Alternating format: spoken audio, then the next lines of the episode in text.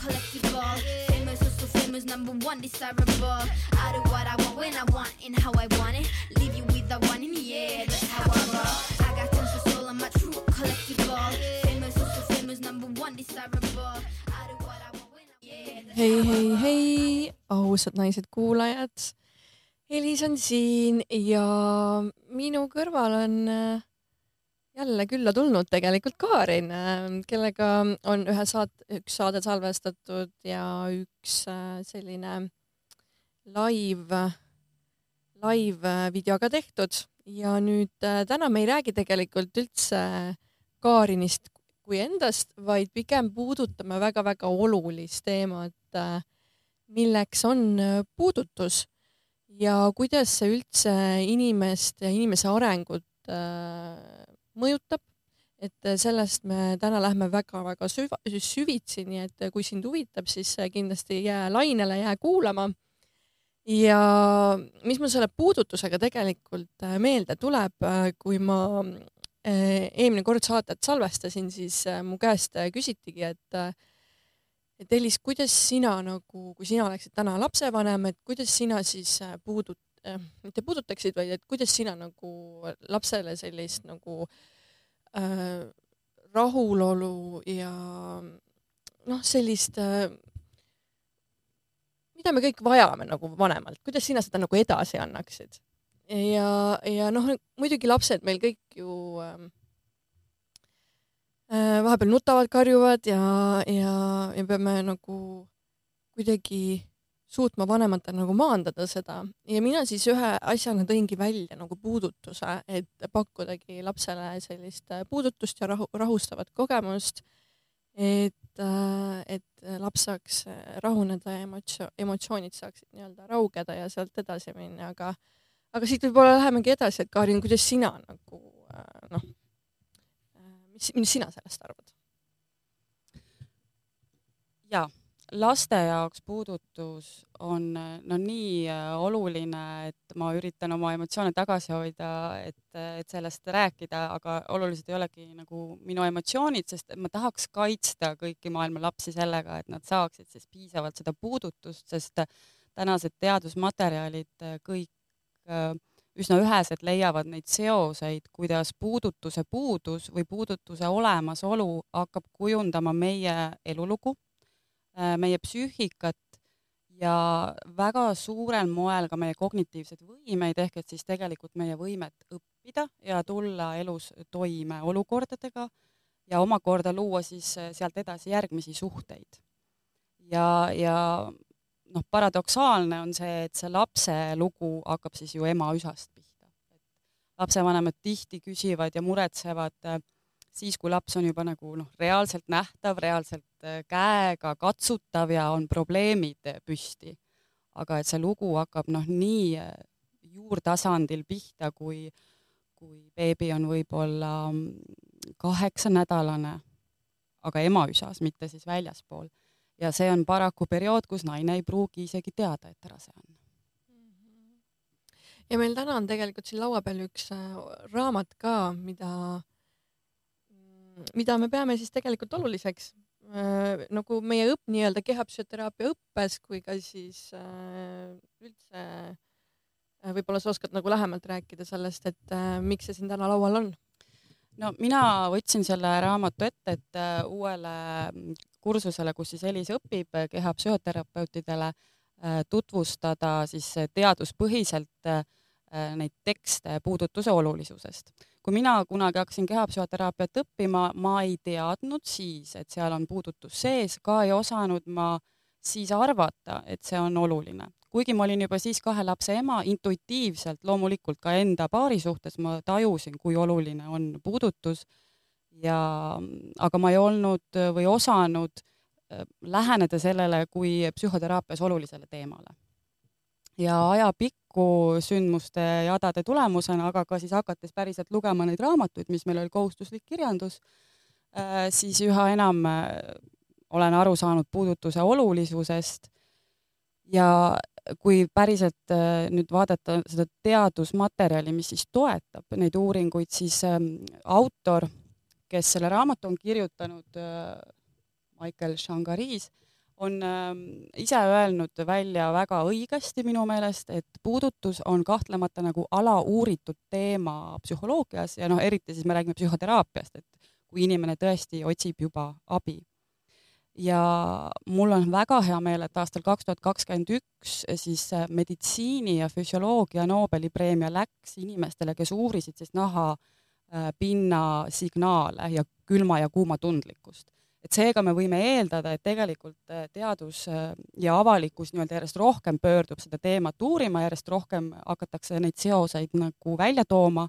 aga tegelikkuses täna on väga palju seoseid juba välja toodud ja inimesed lihtsalt ei tea seda, arvavad, et need on mingid naiivsed seosed või et seda räägib jälle keegi terapeut, kes siis nagu on järgmine terapeut.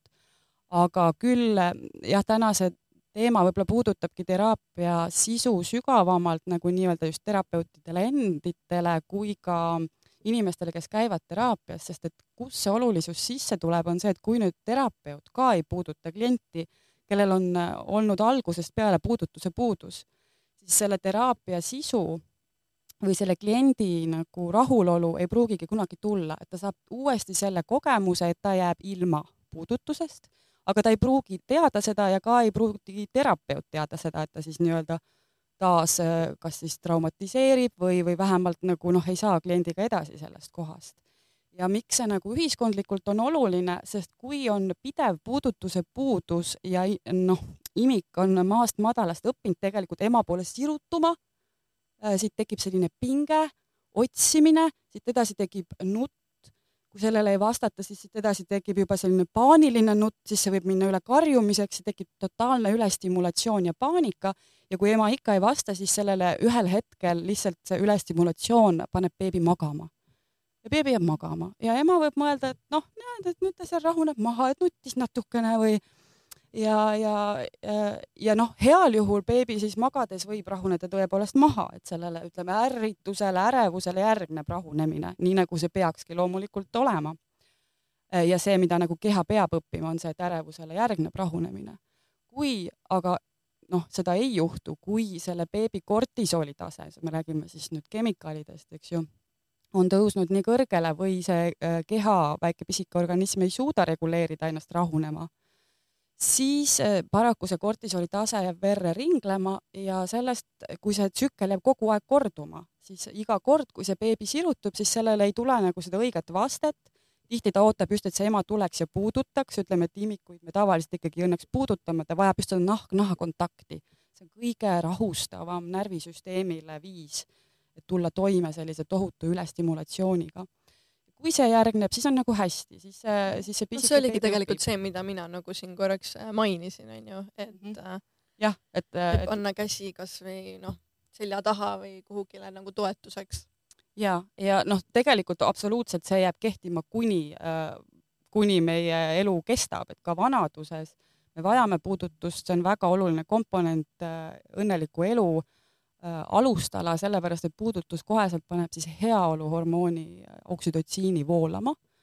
ja see on see hormoon, mis tekitab meile tunnet armastusest, ühtekuuluvusest ja väga oluline siis pere ökosüsteemile on tegelikult, et oksüdotsiini oleks äh, mhm. perekonnas.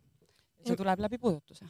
ja, ja miks ma nagu peangi oluliseks seda teemat puudutada, sest et see on nagu väga paljudele, see ei ole ainult terapeutidele, see on nagu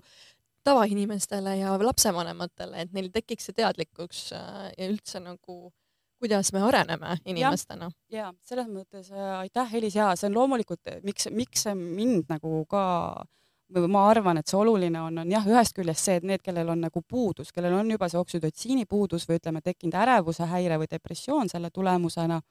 et ne-, noh, et nendel tekiks see teadlikkus, et millest siis päriselt ikkagi on puudu jäänud, et see algkommunikatsioonikeel ja, ja puudutuse tunne ja kontakt.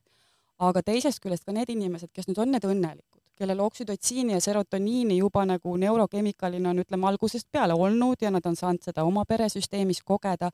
neil on täna hästi keeruline mõista seda valu, seda paanikat, mis tegelikult siis käib kaasas nendel inimestel, kellel nende neurokemikaalidega ei ole nii hästi, mis võib olla siis just selle puudutuse puuduse tulemus. ja sa räägid nagu minu noh, minevikku mõnes mõttes siin, kus noh, ma tundsingi, et mind ei mõisteta, kui ma olin noor, kui ma olin teismeline ja ma rääkisin oma sõbrannadega, siis nad ei saanud sellest aru, sest nemad olid selle nagu noh, selle kogemuse saanud ja noh, nad teavad, kuidas seda endale nagu luua, vaata seda seisundit. jah, sest see toimub tegelikult neil organismi tasandil, ta tegelikult ei tea, kuidas seda luua, tema organism on lihtsalt saanud selle Äh, eluloo alguse selliselt, et see toimub nii algtasandi kommunikatsioonis, see on samamoodi nagu meie keha reguleerib siis sooja ja külma. samamoodi need kemikaalid seal siis hakkavad voolama või ei hakka, eks ole. Ja, ja tõepoolest teismeiga on ka eraldi mainitud, et ka siis tihtipeale noh, ütleme, et teismeline laps võib olla juba väga suurt kasvu, väga keeruliselt käituv, eks ole, tema ajus need kemikaalid seal möllavadki ja vanemal on tõepoolest raske nii-öelda jääda kohale, jääda õnnelikuks, jääda armastavaks, tihti kui näiteks äh, on ka vägivaldset käitumist, et, et ka puudutuse äh, või selline vähene puudutus, vähene hoolimissuhe põhjustada, seal on väga-väga selgeid seoseid vägivaldse käitumisega hiljem, just täismeeas ja ka täiskasvanueas. ja, ja ka kui nüüd see teismeline niimoodi käitub, siis tihtipeale vanemad tõmbuvad eemale ja laps ka ise ütleb, et ta ei vaja puudutust, sest ütleme, et see väärtus puudutusega seoses on juba läinud nagu nihkesse, aga tegelikult vajab ta ikkagi puudutust, see puudutus võib olla nagu väga leevendav tema jaoks ja võib-olla ka nagu ainuke leevendus, sellepärast et tal on endiselt seesama väga algne, väga nii-öelda siis infantiilne vajadus üleval kehaliselt. Ja noh, õnneks äh, siis ka tänane ajuuuring äh, väga palju on tõestanud seda, et aju on nii plastiline, et me saame seda kõike nii-öelda parandada, ümber kirjutada terve elu, aga see võtab aega ja see võtab seda teadmist just. Ja, ja ja kui ühiskonnas on ikkagi nendel, kellel on nii-öelda nende kemikaalidega hästi, ei ole seda kaastunnet, ei ole empaatiat, ei ole mõistmisvõimet nende suhtes, kes, kellel on vähem neid häid kemikaale siis on see käärid ja lõhestumine, noh, see on tegelikult hästi nähtav ka ühiskonnas, täpselt see nii on ähm,. väga huvitav uuring oli seoses just sellega, et kui on oksüdotsiiniga hästi, sest nendel inimestel on tavaliselt ka õnnelikumad suhted, just nimelt paarisuhted ja peresüsteemis ka. nüüd, kui ähm, nahkhiirtega tehti seda ja osale grupile nahkhiirtest siis süstiti ainet, mis seda oksüdotsiini organismis pärssis Äh, need nahkhiired, kes enne olid väga sellised äh, kiindunud ja ühepaarilisega elasid, ühtäkki hakkasid käituma väga nagu litsakamalt, ähm, donžuaanilikumalt ja, ja äh, lõid erinevaid suhteid, ei osanud hoida seda ühte suhet. Et see ei olnud mingisugune kirglik otsing ja enese leidmine ja, ja pöörane armastus, vaid vastupidi, see tegelikult oli oksüdotsiini puudus ähm, selles organismis ehk et ähm, noh. kas mõneti võib siis mõista, et nagu armastuse puudus?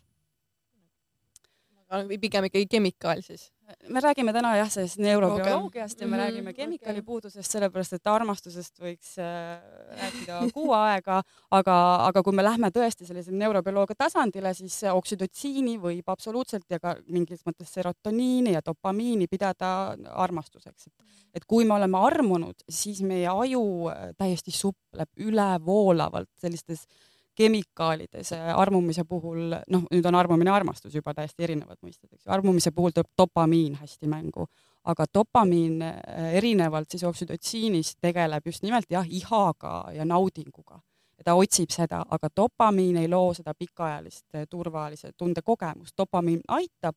tavaliselt jõuda oksüdotsiinini ka, ehk et dopamiin aitab sul jõuda, et selle inimesega, kellega sul tekib kirg ja iha, sa jõuad ka selle turvalise paaritundeni, aga kui sellel inimesel on siis oksüdotsiini teemaga mingi pärssimine organismis, siis nemad ei jõua paraku sinna ja me saame jah, ühiskonnalt äh, erinevaid hinnanguid selle osas ja tihti need inimesed ise mõistavad ennast hukka, et mul on midagi valesti. ma ei jõua selleni mm. -hmm. jah, ja, ja noh, tõesti seal võibki öelda, et midagi on olnud puudu, aga see, mis on puudu, on siis võib-olla toitev puudutus väga varajasest, selline väga varajane kontakti otsimine ja selle saamine turvaliselt. et meil on vaja see side taastada ajus äh, ja siis see nagu hakkab voolama ka kehas ja järjest rohkem saab seda usaldama hakata. ja, ja siis on inimene võimeline looma ka väga palju turvalisemaid kiindumussuhteid. aga lähme siis nagu täitsa algusesse, võtame siis nagu raseda ema et äh, kuidas siis, ähm, kuidas saaks nagu nii-öelda paremini pakkuda seda lähedust, puudutust juba, ma ei tea, kõhus olles on ju, meil oli isegi seal nagu hästi palju see läbirääkimine, kuidas seal kemikaalid nagu hakkavad minema on ju. ja nüüd, äh, mida ongi teinud see puudutuse raamat, eesti keeles seda ei ole, aga see Michael Shangaris ongi siis äh,, toob välja siin raamatus ka selle, me ei saa üks-üheselt seda nüüd lõpuni väita, kõik me, kes vähegi nagu teadusega teavad, siis me ei saa teha suuri mustvalgeid äh, järeldusi alati, aga mida on uuritud ja tähele pandud, on see, et äh, vastsündinute ajupildid on väga sarnased äh, sellele ajupildile, mis on siis emas raseduse ajal. Ja kui sa ütled, et võtame nüüd ühe selle raseda ema, siis eks ole, neid on erinevaid, aga üldiselt eriti esimene rasedus toob üles teatavat ärevust, teatavat hirmu paanikat, kellele kuidas, eks ole, mõnel hakkab, hakkavad jah ka voolama serotoniini oksüdotsiin väga hästi, aga, aga igal juhul ja, ja ema ei ole ju kaitstud ka selle eest, mis perekonnas võib toimuda, mis võib toimuda temaga finantsilises plaanis. et just nimelt need, need kemikaalid, mida me täna oskame siis uurida kehas ja mis on seotud väga palju vaimse tervisega, et see pilt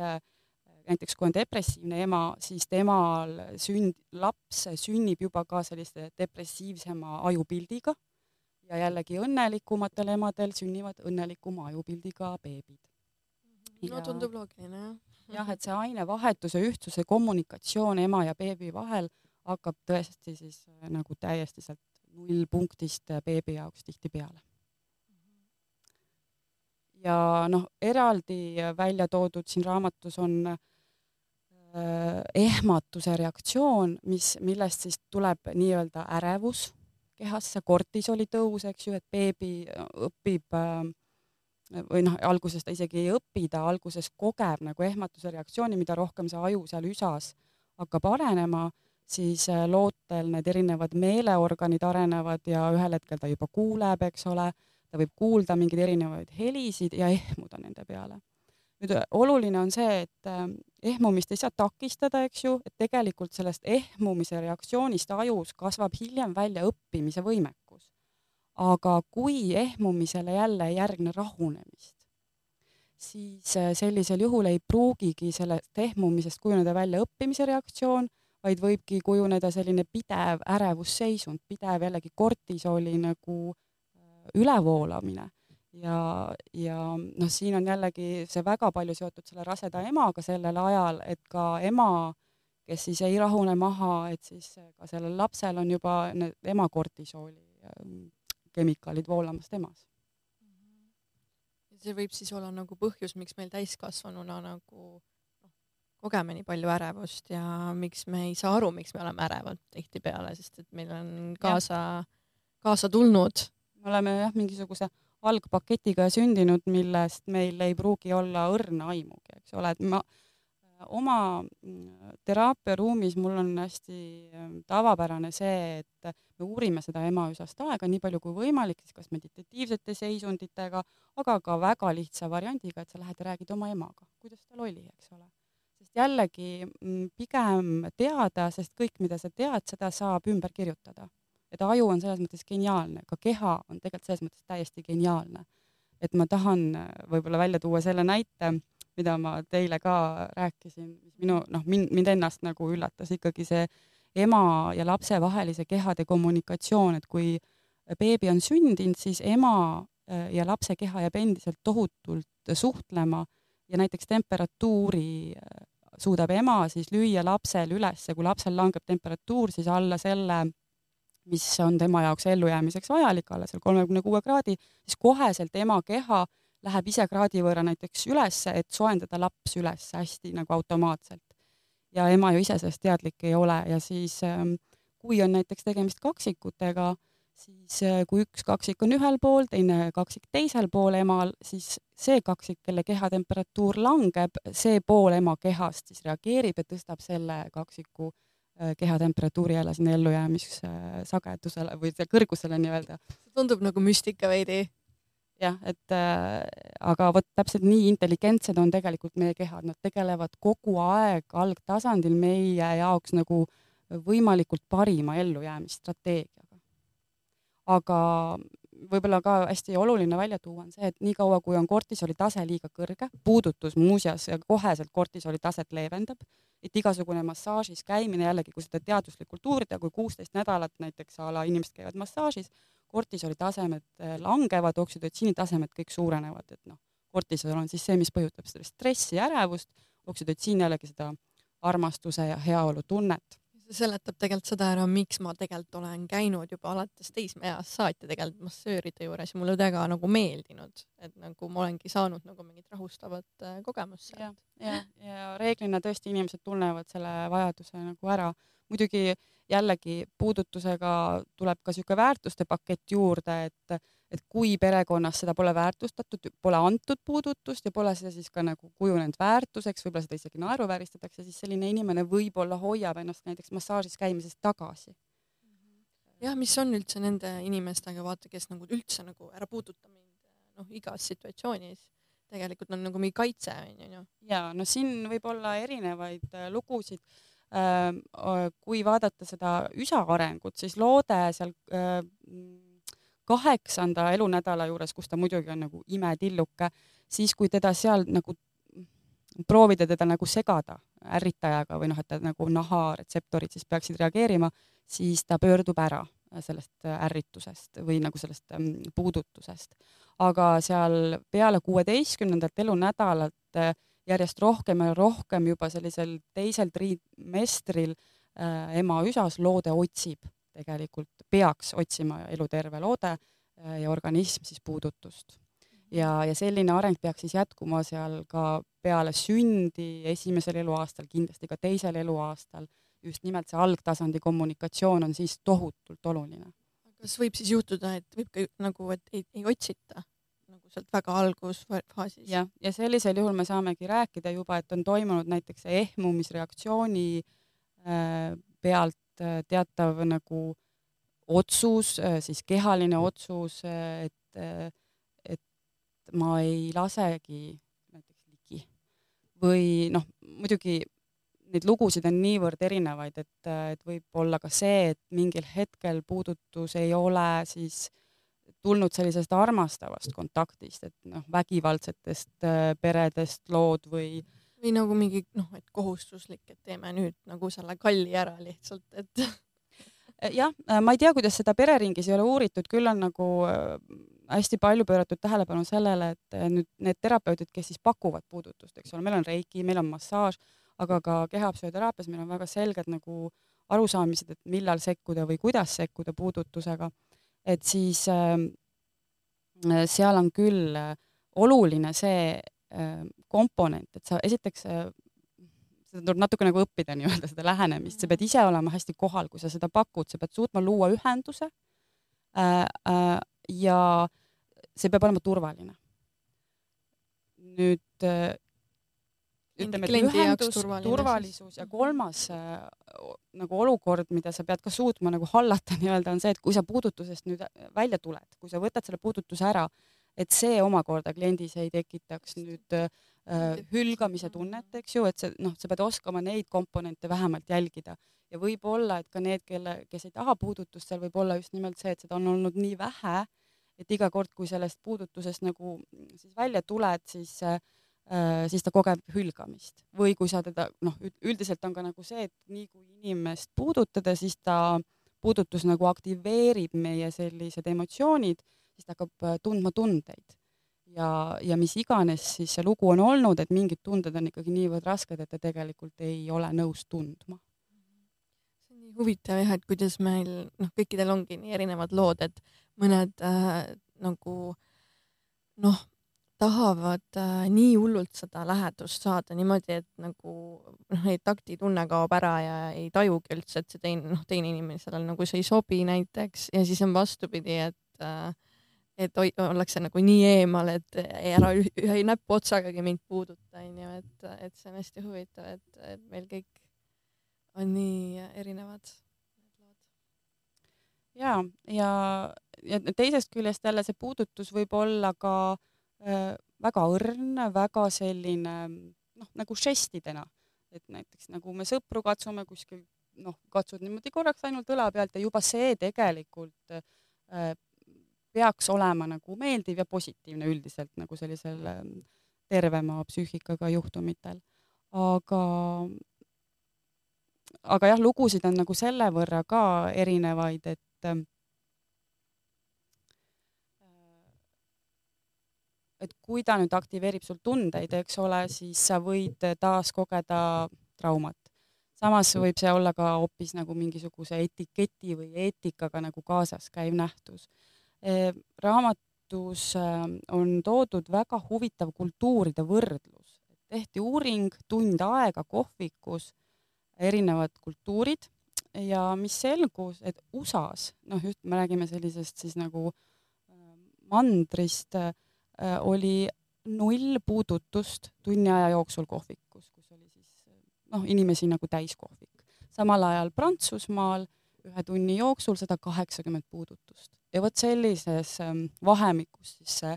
maksimum ja miinimum üle maailma nagu levib nendes puudutustes ja mis me saame öelda jällegi noh, et kui tuua neid seoseid siia, siis äh, puudutuse puudus on väga palju seotud ikkagi vägivaldse käitumisega hiljem ja jällegi Ameerika teismelised on kordades ähm, nii-öelda vägivaldsemad, agressiivsemad ja, ja Prantsusmaal selliseid probleeme ei ole nii palju. Nad väljendavadki selle agressiivsusega siis nagu seda, et, et miks te ei puudutanud mind siis, kui ma vajasin. nagu sihuke nagu trots. jah, äh, jällegi seal on väga selged seosed sellega, et puudutuse puudust kogeb imik kui agressiooni, kui vägivalda tema suhtes ja nüüd on omakorda siis ongi küsimus sellest, et, et kuidas ta seda hiljem ka nagu tõlgendama hakkab. et kui ähm, täna noh, jällegi noorukitega on päris palju igasuguseid küsimusi, tõesti vanemad küsivad ja, ja ma olen ise mindfulnessi õpetaja just lastele. Ja neid küsimusi on ka seinast seina ja alati ei ole üks-üheseid vastuseid, eks ju, teinekord tulebki nagu uurida seda peresüsteemi. Või noh, tegelikult alati see puudutab peresüsteemi, kui me räägime lapsest. Aga on kaks nagu sellist selget käitumist, mida siis peetakse nii-öelda nagu noh, problemaatiliseks, halvaks, mis noh, teeb vanema murelikuks. Ja siin on siis, üks on see nagu sissepoole tõmbumine, et et ta, laps ei räägi sulle midagi ähm,, sa näed, et ta nagu tõmbub tagasi, võib-olla isegi seal hakkab ennast lõikuma või mingit sellist äh, kummalist tegevust tegema, mida, millele ta võib-olla ei oskagi ise ka selgitust koheselt anda ja teine on siis see vastupidine nagu väljapoole käitumine, väljapoole agressioon, vihane olemine, impulsiivne selline. mõlemal juhul on tegu tegelikult äh, emotsioonide ülelaetusega, millest see nooruk siis ise aru ei saa. Ja kui ta käitub väljapoole, siis ta, siis ta juba nagu hoomab, ta käitub väljapoole ja teda on võimalik nagu sealt viia maha rahunemiseni.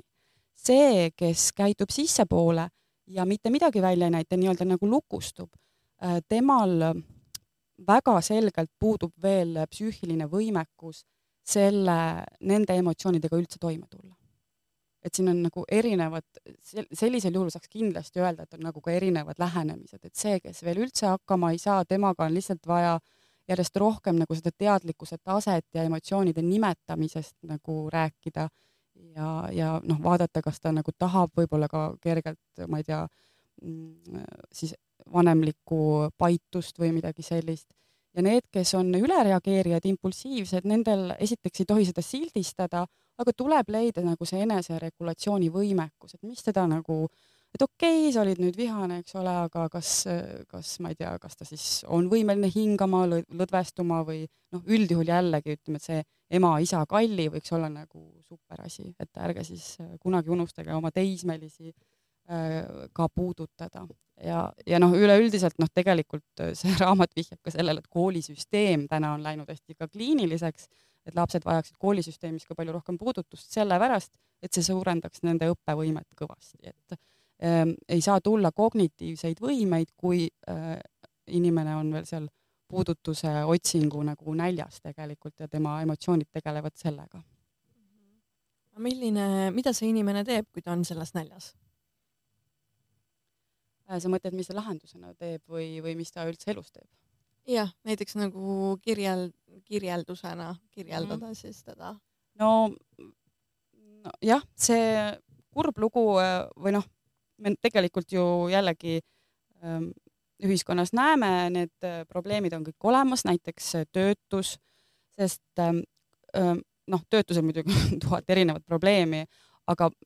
mis me nagu psühholoogilise mudelina võib öelda, siis kui inimene on kroonilises puudutuse puuduses, aga samal ajal temas veel toimub see, nagu ma selgitasin alguses, see, beebi nagu pingutub, siis ta hakkab sealt nutma, siis ta hakkab võib-olla karjuma, siis ta on ülestimuleeritud, siis ta jääb magama. kui sellele ei ole järgnenud, kui see tsükkel jääb kogu aeg nagu kehasse, kortisool seal kogu aeg nagu töötab, äh, siis äh, ja, ja sinna noh, ei tõesti ei tule positiivset lahendust, siis tekib tema ähm, sellises teadvuses arusaamine äh, ei tulegi kunagi ja see on nagu selline käega löömise efekt. ta võib isegi nagu saada edukaks inimeseks selles mõttes, et kui, kui seal kognitiivset äh, võimekust on tulnud ja õppevõimet ja asju, aga ta ei tunne seda täit rahulolu tunnet ja, ja need asjad, mis ta nagu tõeliselt soovib elus, nendest ta nagu võib küll proovida pingutada, aga, aga tal on nagu selline tunne, et noh, seda ei tule kunagi et minu pingut... nagu lootusetus tuleb jah, sisse. lootusetuse tunne jah, on ka mainitud just selle sõna, jah, just, just, et need noh, tal ei ole seda äh, perspektiivi enam, et, et noh, et sellel kõigel ei ole nagu mõtet. ja et positiivset kogemust sellele justkui ei tulnud, on ju, mida ta koges, siis ta näebki elu nagu läbi selle äh, nii-öelda vaatevinkli, et, et jah, ja me räägime siis tegelikult ka ütleme depressiivsest äh, ajupildist sest kui jällegi äh, vaadata ajupilte, siis reeglina depressiivsematel inimestel on või noh, depressiooni elam- nagu kogemise ajal on siis äh, parem ajupoolkera aktiveerunud ja täiskasvanud äh, sellisel tegusal inimesel on reeglina vasak ajupoolkera aktiveerunud, noh, kui on tegu paremakäelise inimesega, et alati on nagu neid mutatsioone ja erinevaid nähtusi, aga noh, reeglina, kui nüüd niimoodi uurida ja vaadata ja millele see siis vihjab, et just see parem ajupoolkera, et, et ta otsib, see depressiivne inimene, ta nagu mitte otsib, aga ta satub nii-öelda jälle sinna emotsionaalsesse arengujärku, et mingisugused emo emotsioonide regulatsioonid, mingisugused emotsionaalsed teemad on lahendamata. Ja ta satub sinna nagu keha automaatsete nagu reaktsioonide tulemusena, mitte mitte, mitte sellest, et ta seda tahaks, ehk et jällegi see sildistamine, hukkamõist, võta nüüd ennast kokku nagu, kuidas, ole nüüd mõistlik, eks ole, et kõrvaltvaatajatele see võib olla väga keeruline. miks sa oma mustreid ära ei muuda? Jah, ja, ja väga palju ju eneseabikirjandust, kõik on ju lingvistiline, kõik on verbaalne ja, ja need tohutud õpetused, aga tegelikult see arenguperiood puudutab täiesti mitteverbaalset ähm, ajuringlust nii-öelda, just, just hoopis, hoopis teisi asju enese mina pilti, mis on tulnud sellest, et kas ma näiteks sain puudutust või mitte, eks ole. ja, mhm. ja seal ei ole mitte mingisugust verbaalset ähm, lahendust tegelikult, et, et see lahendus on tihti nagu äh, emotsionaalne ja, ja järjekordselt on veel ka nagu see tõestatud, et need beebid, kes on saanud siis puudutust rohkem, nendel areneb eneseregulatsioonivõime üks hetk sellest, et ema teda nagu puudutab, ta õpib nagu seda rahunemist, tema eneseregulatsioonivõime arenebki niimoodi välja siis kontaktis, nahk-naha kontaktis oma emaga. ja need, kellel sellest puudus on, nendel see eneseregulatsioonivõime ei arenegi välja ja loomulikult evolutsiooniliselt tegelikult tema jääbki tegelema sellega, et temas ka tekiks eneseregulatsioonivõime. ta võib ennast kokku võtta ja pingutada küll, aga ta satub jälle sinna sellesse tsüklisse kus ta otsib vastuseid siis nendele võib-olla infantiilsetele puudujääkidele, eks ju wow,. kuidagi väga touch'is mind ka praegu see, mis sa rääkisid.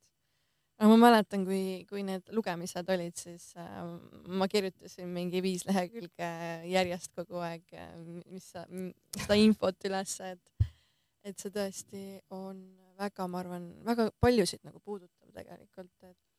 ja et eh, noh, ma ütlen järjekordselt, et see, et see Nobel nüüd läks eh, kaks tuhat kakskümmend üks, siis nüüd väga selgelt eh, me saamegi öelda, et meil on olemas somatosensoorne nagu ajukoor, mis ehk et kõik, mis nagu nahapinnal toimub, et seda ka nagu siis aju kogu aeg registreerib. aga noh, siin need lõplikud tõestused ja kõik see on veel avastamisel ja ja noh, ajuuuringud üldse nagu väga põnevad, aga eks me peame alati ju tegelikult vaatama seda indiviidi ja noh, vaatame ka nii palju kui võimalik ühiskonna tasandile tuua seda tervendust, sest et üks oluline näitaja jällegi on ka see, et on olemas täiesti kemikaal, mis tegeleb siis nagu enesetervendusega. ähm, kõigi meie organismides siis kättesaadav, aga jällegi need, kellel on ärevus nagu kõrge, kortisol kõrge või siis mingisugune mm, depressiivsus, äh, nii-öelda jällegi kemikaalid paigast ära, siis nemad ei pääse ka sellele enesetervenduskemikaalile jällegi ligi, ehk et väga selged seosed, mida vanemaks sa saad siis ka nagu tervisega ja tervis on siis lõpuks ju kõige tähtsam tihti, kui, kui jällegi see teatud ähm, kui, kui tervis on nagu hakkab käest ära minema, siis me saame aru, kui tähtis see on, eks ole. Ja. kas see olekski siis nagu üks selline ümberkirjutamise võimalus tegelikult meil endas on ju meie enda kehast, et ligi pääseda sellele tervenduse kemikaalile, aga mis on võib-olla need veel nagu mingid lahendused, mida me saaksime enda jaoks teha, et siis seda nagu üle kirjutada, kui ma tõesti ei olegi saanud nagu üldse puudutust ja ma nagu janunen selle järgi onju. Mhm. no mina alustan äh, alati, äh, kui näiteks üks-ühele kliendiga just küsimust, et, et vaadata, mis see tugisüsteem inimesel on, et kas kuskilt saaks seda puudutuse ressurssi, eks ole. Äh, sest see kõige noh, teada, et me tahame ikkagi puudutust sealt, kust me seda tahame. Mm, ja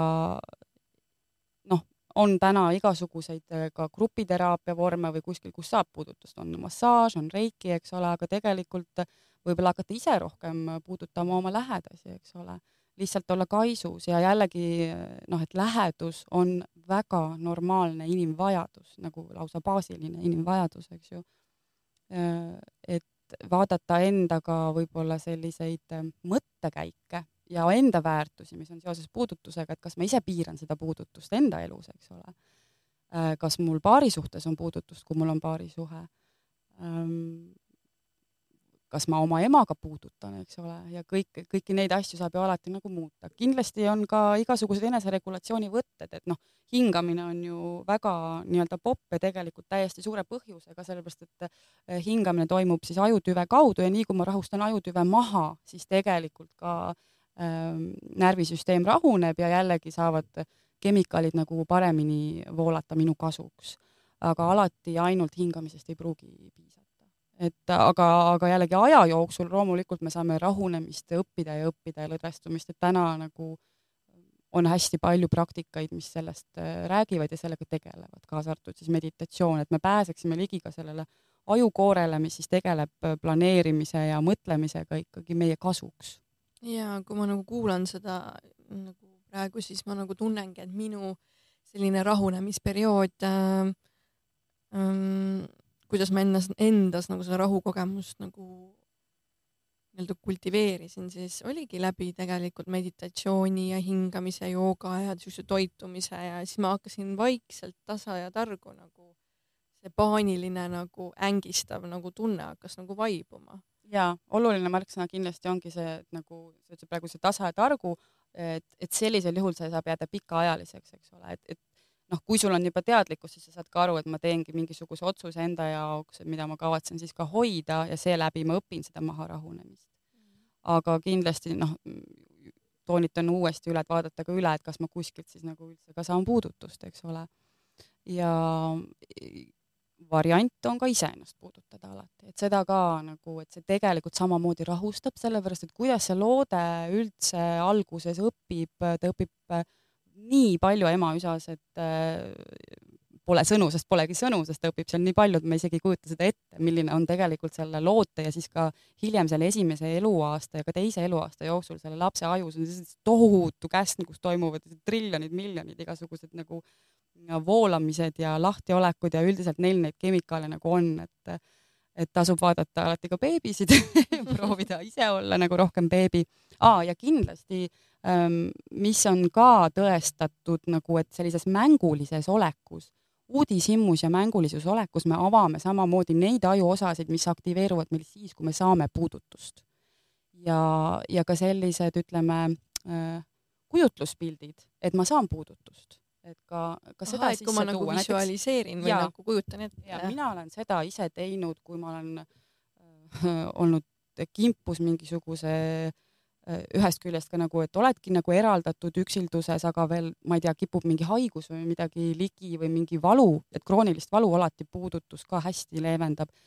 ja, ja siis ma olen visualiseerinud jah, et nagu armsama inimese käed kusagile. Väga hea praktika siis, kui minna üksi reisile ja sa lähedki nagu päris isoleeritud kohta ka, nii et ma arvan, et ma saan väga palju kontakti tegelikult selle tundega just, et siis ise nagu ka osata seda endas maandada, et kui mingid hirmu ja kortisol läheb üles, et tunded tulevad, et ja et see on hea, hea praktika aga mis, ähm, mis veel see raamat äh, nagu on toonud sisse? ütlen oh,, võib-olla oluline, mis ma siin ka mainisin, et, ähm, et noh, et uurida seda iseenda pilti nagu puudutusega, sest äh, mida uuringu tulemused näitavad nagu vaadates lapsi, äh, lapsed üldiselt siis nagu naudivad puudutust ja ka otsivad seda. ja mida rohkem laps seda ise nagu initsieerib, seda rohkem ta ka puudutust saab. nii et jälle tegelikult äh, toimub selline teatav äh, paradoksaalne hierarhia, et äh, kui sa oled seda saanud, siis sa oskad seda otsida, siis sa saad seda veel küsida, rohkem. ja need, kes on saanud seda vähem, nad ei oska seda küsida, nad ei oska seda väärtustada ja nad ka saavad seda vähem. issand, see on nagu rahaga jah, et tundub, et äh, jah, et mingisugused äh, väga, vaata need infantiilsed asjad töötavad ikkagi suht ühtemoodi, kui on, siis on ja tuleb juurde. ja, ja noh, lihtsalt oluline ongi vaadata üle, et minu ressursid ei oleks liikumas nagu miinuse poole, sest mida vanemaks me saame, siis äh, neid kemikaalide tootmine ja kõik ju läheb jällegi kehvemaks, et see kõik on nagu tervisega väga-väga suures seoses, et mm, ka no siin on väga selged seosed teatud äh, haigustega, äh, siis äh, südame-vereringe haigused, ähm, vererõhuhaigused, diabeet, Alzheimer, bipolaarsed häired, söömishäired, väga palju vaimse tervise häireid, kõik, mis, mis on nendesamade kemikaalidega ja siis järelikult ka puudutusega no.. siit võime välja lugeda, kui suur vägi tegelikult puudutusel on. ja, ja noh, teisiti on ka selle ülekanne nagu siis silma vaatamisse, et seda tahtsin ka nagu mainida, et kui on juba see kiindumussuhe, puudutus on loodud, siis kõik, kes on saanud nagu head puudutust, eh, nendel omakorda siis noh, imikutest räägime, tekib ka see niisugune mm, turvaline eh, teise inimese vaatamine. Eh, ja nad oskavad luua seda pilku ja siis jällegi nemad oskavad selle pilgu kaudu hakata ka seda oksüdotsiini endas nagu aktiveerima et äh, ja jälle vastupidi, kui seda pole olnud, eks ole, siis, siis seal ei pruugi ka tekkida seda pilkkontakti ja kui me loome pilkkontakti teisega, siis me tegelikult meie sotsiaalne aju hakkab nagu ka connect'i või siis ühenduma selle teise inimese ajuga ja nii me õpime hästi palju üldse inimeste kohta rohkem juurde. et äh, jällegi. ja siit võibki välja lugeda, miks äh, paljud keeravad silmad kohe ära, kui tekib connection onju, et silmadega näiteks et sealt noh, nad võivad ka vältida teatavat ülestimulatsiooni, eks ole, et ennast nagu hoida, aga, aga seal ja noh, ka ütleme jällegi erinevate võib-olla suuremate vaimsete häiretega, näiteks autistide puhul, siis nad äh, hoiduvad võib-olla pilgust ja neil, neil on okei okay vaadata objekte, aga inimesega kontakti loomine on nagu pärsitud ma korraks lähen jälle selle armastuse teema peale, et kui me räägime siin, et, äh, et ma ei ole nagu armastust väärt, siis äh, seal kohas tegelikult me võime ka tunda seda, et me justkui ei ole seda nagu äh,, seda kemikaali nagu väärt või nagu seda, noh, me ei tule isegi selle pealegi, et seda nagu luua, onju. noh, esiteks ja, ja, ja ei ole ise initsiatiivikatki nagu et seda looma ja siis noh, kuidagi mõtlemegi seal, et me ei ole seda väärt. noh, ma ei tea, kas sa said kuidagi aru, mis ma mõtlesin? ja ma arvan, et ma sain jah, sest et äh, see lugu vähemalt minu peas nüüd hakkas lõhnama selle järgi, et tõepoolest ähm, sellisel juhul on kombeks, et need inimesed järjest rohkem hakkavad ennast isoleerima. noh, kui me noh, ka Covidi aja toome, et kui paljudel on veel Covid nagu äh, meeles kui väga ikkagi keeruline olukord, kus sa ei saanud enam kontakti ja see oksüdotsiini voolamine jäi sellepärast nagu äh, oluliselt vähemaks, eriti inimesed, kellel ei olnud võib-olla sellist suurt pere, kuhu siis minna, eks ju. jah, aga noh, ilmselt organismi kohanemisvõime on ka alati selline jah, et, et sa suudad ennast, no et noh, veel vähem oksüdotsiini ja veel vähem oksüdotsiini, et see kõik on nagu justkui okei okay,, aga sa ei oskagi seda tegelikult panna nagu juurde tootma mhm. enda keha. sa ei kujutagi ette, mis tunne see võib olla, ma arvan, et minul on ka veel palju minna, et, et palju noh, et seda oksüdotsiini nagu veel rohkem nagu kogeda, onju jah, aga no me ei räägi tegelikult ainult oksüdotsiinist, sest teine, noh, see kortisol sai siin ka nagu mainitud, et just nimelt selle stressihormooni ja kortisoli toob puudutus jälle alla, et ka see on nagu teistpidi, et on need inimesed, kes on äh, konstantselt ülestimuleeritud, ma arvan, siin linnapildis sellises läänelikus kultuuris hästi palju ja noh, tegelikult statistiliselt drastilised numbrid nagu ületöötamisest. Et äh, noh, ütleme, et suured mõtlejad on siin ennustanud seda õhtumaade allakäiku, aga no väga selgelt võib öelda sellise vaimse tervise pilguga, et, et need süsteemid ei tööta, kui, kui mingid noh, ütleme mingid tööstusrevolutsiooni aegsed insenerloogikaga üles ehitatud äh, teatavas mõttes nagu kohustus, sunnimehhanismid, kuidas inimene peab käima tööl, eks ole, mis nagu ütleme siis äh, sotsiaalsele äh, Äh, inimesele ei pruugi üldse, noh, ütleme, et inseneri lähenemine alati nagu ei ole kõige parem lahendus sotsiaalsetele komplekssetele probleemidele. Ja seda noh, no ma lihtsalt nägin hiljuti jah, neid drastilisi numbreid, kuidas siin juba paar aastat tagasi äh, kuuskümmend protsenti inimestest kindlasti nagu läbi põleb, et no noh, nagu naera või nuta, et ei teagi. prognoos nagu või? jah, nagu läheneda, lihtsalt küsimus, ma arvan, siin on just suuresti selles stressihormooni äh, nagu konstantses äh, ülevoolamises, sest iga pingutus toob selle jälle kaasa, aga kui pingutusele ei ole ära õpitud nagu rahunemist, siis äh, noh, varem või hiljem me jõuame jälle nagu ülepõlemiseni ja noh, ka nende ülepõlejate kommentaarid olid just sinna ka niimoodi, et et isegi ma nüüd teen seda tööd, mis mulle meeldib, aga ma ikkagi nagu tunnen, et ma olen läbi põlenud, eks ole. Et ähm, noh, ma arvan, et äh, ühiskonnal siin on veel palju asju lahendada, kaasa arvatud koolisüsteemid, eks ole, koolisüsteem samamoodi siin kuidagi paneb mingisuguse vana mudeli pealt, kus me noh, juba ammu kuidagi näeme, et võib-olla oleks palju-palju adekvaatsemaid lahendusi kus äh, lapsed kogeksid rohkem nagu seda õnnetunnet ja soovi päriselt õppida ja nende õpiedukuse võimekus oleks tänu sellele, et hormoonid on paigas ka nagu oluliselt äh, noh, tulemused oleksid ka paremad, eks ole.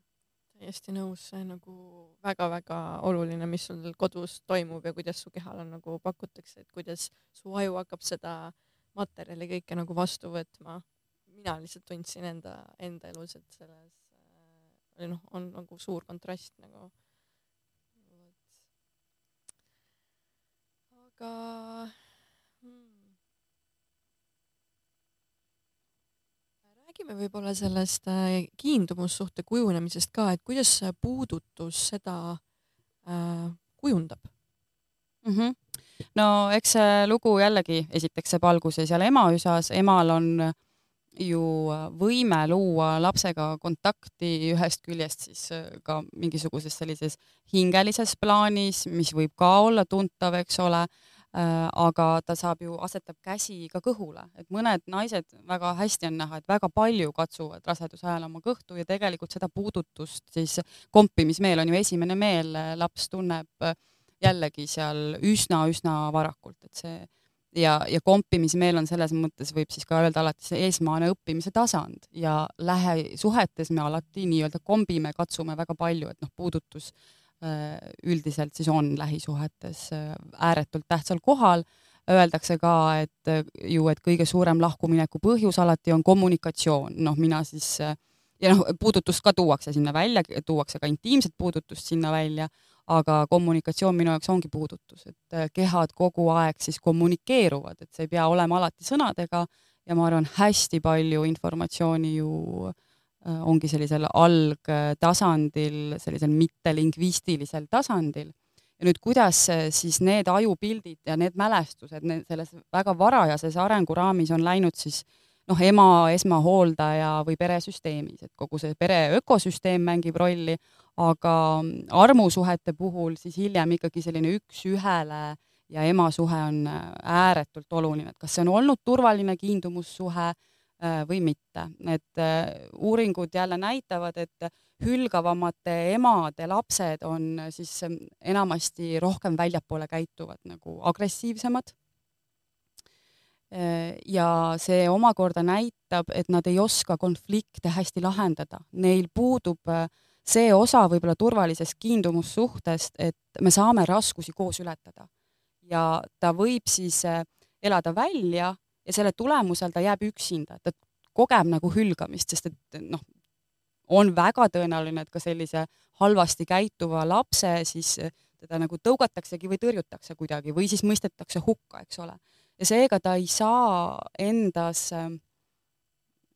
ta ei jõua sellise järelduseni, et ma saaks üldse raskustest kellegi teisega koos üle. Ja sealt hakkabki selline isoleerimise vajadus või, või öö, ka vajadus, et ma, ma ei tea, tahan nüüd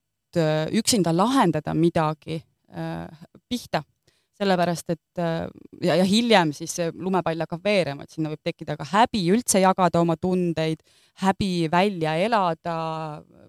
häbi üldse tunda, eks ole. et see lumepall võib veereda üht või teistpidi ja jällegi nagu kuna aju on plastiline, siis see on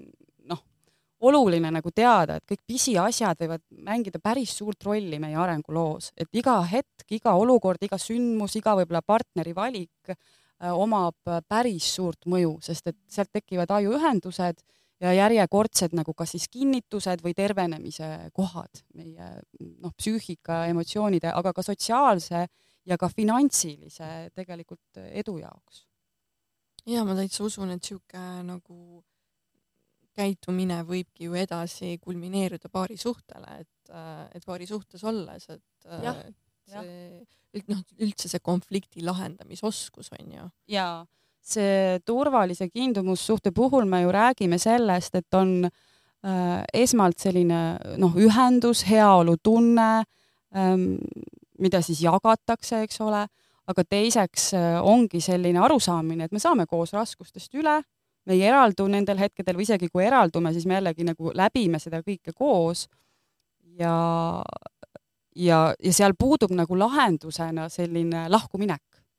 ütleme, et turvalises kiindumussuhtes see on nagu ilmselge, et,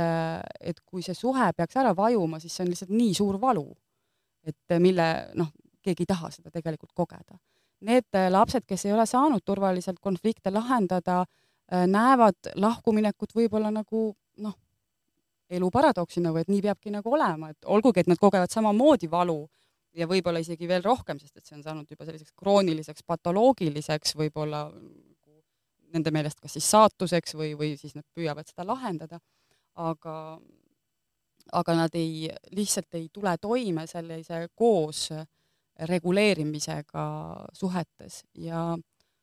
siin oli üks oluline asi, mis ma tahtsin veel et siin, noh, siin on kindlasti nagu on oluline täiskasvanute puhul siis kommunikatsioon, oluline teada nagu millist äh, kiindumussuhet äh, ma ise nagu viljelen, mis on siis tihti selle tulemus, millisest äh, perekonnamudelist mina ise tulen. kindel seos on ka muidugi selle vahel, et kui sa koged hülgamist, siis jälle see agressiivsus sinus võib hakata nagu tõusma, aga kui agressiivsus sinus tõuseb, kortisol tõuseb, siis järjest vähem tegelikult saab võimalikuks selle turvalise kiindumussuhte kogemine ja see hülgamiskogemus saab ka, võib saada krooniliseks. jaa, täiesti nõus. ja, ja noh, võib lõppeda ka sellega, et sa hakkad iseennast hülgama, et sa nagu internaliseerid lõpuks need kogemused täiesti nagu siis ainult iseenda peale. ja ma tahtsin küsida, et mida see äh, iseenda hülgamine täpsemalt nagu tähendab, et mõned noh, me räägime küll sellest, et me hülgame iseennast või me ei vali ennast ja nii edasi, onju, aga kuidas see nagu selles kontekstis, mida meie täna siin praegu räägime, et kuidas see nagu no, nagu välja näeb? ta võib olla kas siis sellise karistava käitumise tulemusena, aga ta võib olla ka sellest, et äh, noh, beebit ei ole piisavalt märgatud, tema eest polegi hoolitsetud, et äh, puudub selline kogemus sellest, et äh, minu vajadusi märgatakse. Mhm. ja kui minu vajadusi ei märgata, siis ma ei pruugi iial õppida neid ka väljendama neid ka ise märkama. nii, me rääkisime siin ja mainisime seda turvalist kiindumussuhet ja siis, et kuidas see võiks olla või kuidas see on siis seotud puudutusega. et kui algses armumise faasis see dopamiin läheb üles just sellisest naudingust ja ihast ja, ja soovist ja igatsusest, eks ole, siis ka kortisol tõuseb, ärevust on hästi palju tegelikult armumises, aga just läbi puudutuse, kuna puudutus aitab seda oksüdotsiini taaskord nagu aktiveerida, siis jõutakse armumisest kiindumussuhteni. Ja see on suuresti läbi puudutuse, et kui me nagu on hästi huvitav, et, et väga paljud isegi emotsioonid nagu kultuuriti võivad erineda, miimikad ja žestid, et me loeme äh, neid erinevalt äh, ja, ja tõlgendame eri kultuurides, aga äh, väidetavalt siis romantilised žestid ja sellised paaritumise kehakeel on ülemaailmselt nagu ühte ühelaadne, ühemoodi tõlgendatav ja noh, põhiline, mis sealt välja tuleb, on see, et, et siis tahetakse puudutada hästi palju üksteist ja seda, seda tõepoolest ka tehakse. Ja see loob kogu aeg äh, seda alust, et sellest dopamiini ja armumise ja ärevuse ja laksust saab siis äh, turvalisem kiindumussuhe. Ja just läbi sellise üksteisele puudutuse andmise ja oksüdotsiini tulemusel ka äh, põhimõtteliselt su keha saab aru, et raskusi saab ületada, et ta tuleb sellega väga palju paremini toime, nii et paarid, kellel on siis puudutus äh, kenasti suhtes olemas, see ei pea olema üldse seksuaalne puudutus, see võib olla täiesti vabalt selline toitev puudutus äh,, kaisus olemine, võib-olla ka lihtsalt žestid, aga no, üldiselt nagu oluline on see, et see mõlemale osapoolele ka sobiks aga kui see on piisavalt, et oksüdotsiin suhtes nagu voolab ja ütleme, võib-olla kogu pereringis, et siis äh, saamegi rääkida väga rahulolevast äh, suhtest, kus siis enamasti alati on kõik osapooled sellega äh, rahul ja, ja, ja see jõuab järjest turvalisema, järjest kiindumuslikult nagu elutervema ja harmoonilisema suhteni. ja mis võib-olla jäi eelnevalt ka nagu beebide puhul välja ütlemata, et emad, kes katsuvad siis oma lapsi rohkem Äh, omakorda leevendavad siis enda igasuguseid äh, ärevusi äh, ka. Ja seeläbi jällegi kogu pere ökosüsteem on, on harmoonilisem, õnnelikum, tervem. Ja selline, öeldakse, et esimese eluaasta jooksul siis Erik Erikson, üks psühholoog, ajalooliselt Freudi õpilane, on nimetan seda esimese eluaasta elukriisi selliseks usaldus versus isolatsioon kriisiks ja kui see jääbki lahendamata, siis, siis beebi kukubki sinna äh, lootusetuse tundesse. Ja kui ta selle esimese eluaasta jooksul selle baasi on paika saanud, siis talle päriselt meeldib olla iseseisev, ta nagu kuidagi hoomab seda, et, et see, mis mina algatan, ma tahangi algatada ja ma tahan veel rohkem algatada aga see baseerub ka suuresti sellisel, et kas ta on saanud nagu piisavalt lähedust ja, ja kas on vastatud tema siis läheduse otsingutele. ja just ka nahk-naha äh, kontakti kaudu, puudutuse kaudu siis selles ajaraamis need äh, asjad käivad ja selle usalduse puhul siis jällegi see on vastakuti, et emadele samamoodi see beebi katsumine õpetab ema äh, olema beebilainel, lugema järjest rohkem ja järjest paremini enda last, äh, tõlgendama teda võib-olla ka õigemini ja öö, mureenergia asem, asendub puudutuse puhul sellise usaldustundega. et äh, uuringud jällegi kinnitavad seda ja see on kuidagi äärmiselt geniaalne lahendus, sellepärast et noh, neid äh, ärevaid, ülemuretsevaid emasid ikka on ja sellest on nagu noh, räägitud, et see mureenergia tegelikult ei tööta kellegi kasuks. et ema on murelik, laps ei tunne, et teda usaldatakse ja noh, kuhu siis see isa veel seal mahub, eks ole. aga nüüd, kui on puudutust rohkem peres, siis ema mure on hoopis asendunud sellega, et ta loeb oma last hästi, ta usaldab teda juba varajastest äh, eluetappidest peale ja, ja kõik see ju levib omakorda ka nagu isale, eks ole sealt. et äh, nagu me aru saame, siis äh, puudutusele on mega-mega suur vägi, et äh, aga kas sa tahad lõpetuseks, Kaarin, midagi öelda kuulajatele, kuidas puudutus, midagi puudutuse kohta? võib-olla ma ütlen jah, et puudutage iseennast nagu omast puhtast vaistust nii-öelda või usaldage enda vaistu, sest äh, olgugi, et tarku raamatuid on kõik kohad täis, noh, jumal tänatud on, mida lugeda, on, mida mõtiskleda, aga aastal tuhat üheksasada kaheksakümmend viis veel äh, tõsimeeli arvati, et beebid ei tunne valu ja pisikestele beebidele enne operatsiooni ei antud mingeid valuvaigisteid, arvati, et nende ajuosad ei ole veel nii arenenud. ehk et noh, annaks ähm, äh, ainult seda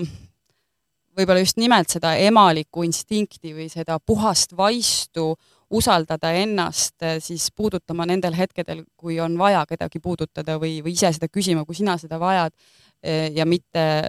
õppima puudutust tegelikult raamatust või teistelt, et see on ju täiesti individuaalne, hästi intiimne olemasolu kogemine igalühel endal. Ja igaühe enda lugu on kirjas tema puudutuses jah, ma ei kujutakski ette, et seda peaks nüüd õpikust hakkama nüüd vaatama, näpuga järge pidama, et kuidas siis ikkagi puudutada. et noh, põhimõtteliselt see puudutus on meil olemas, äh, ainuke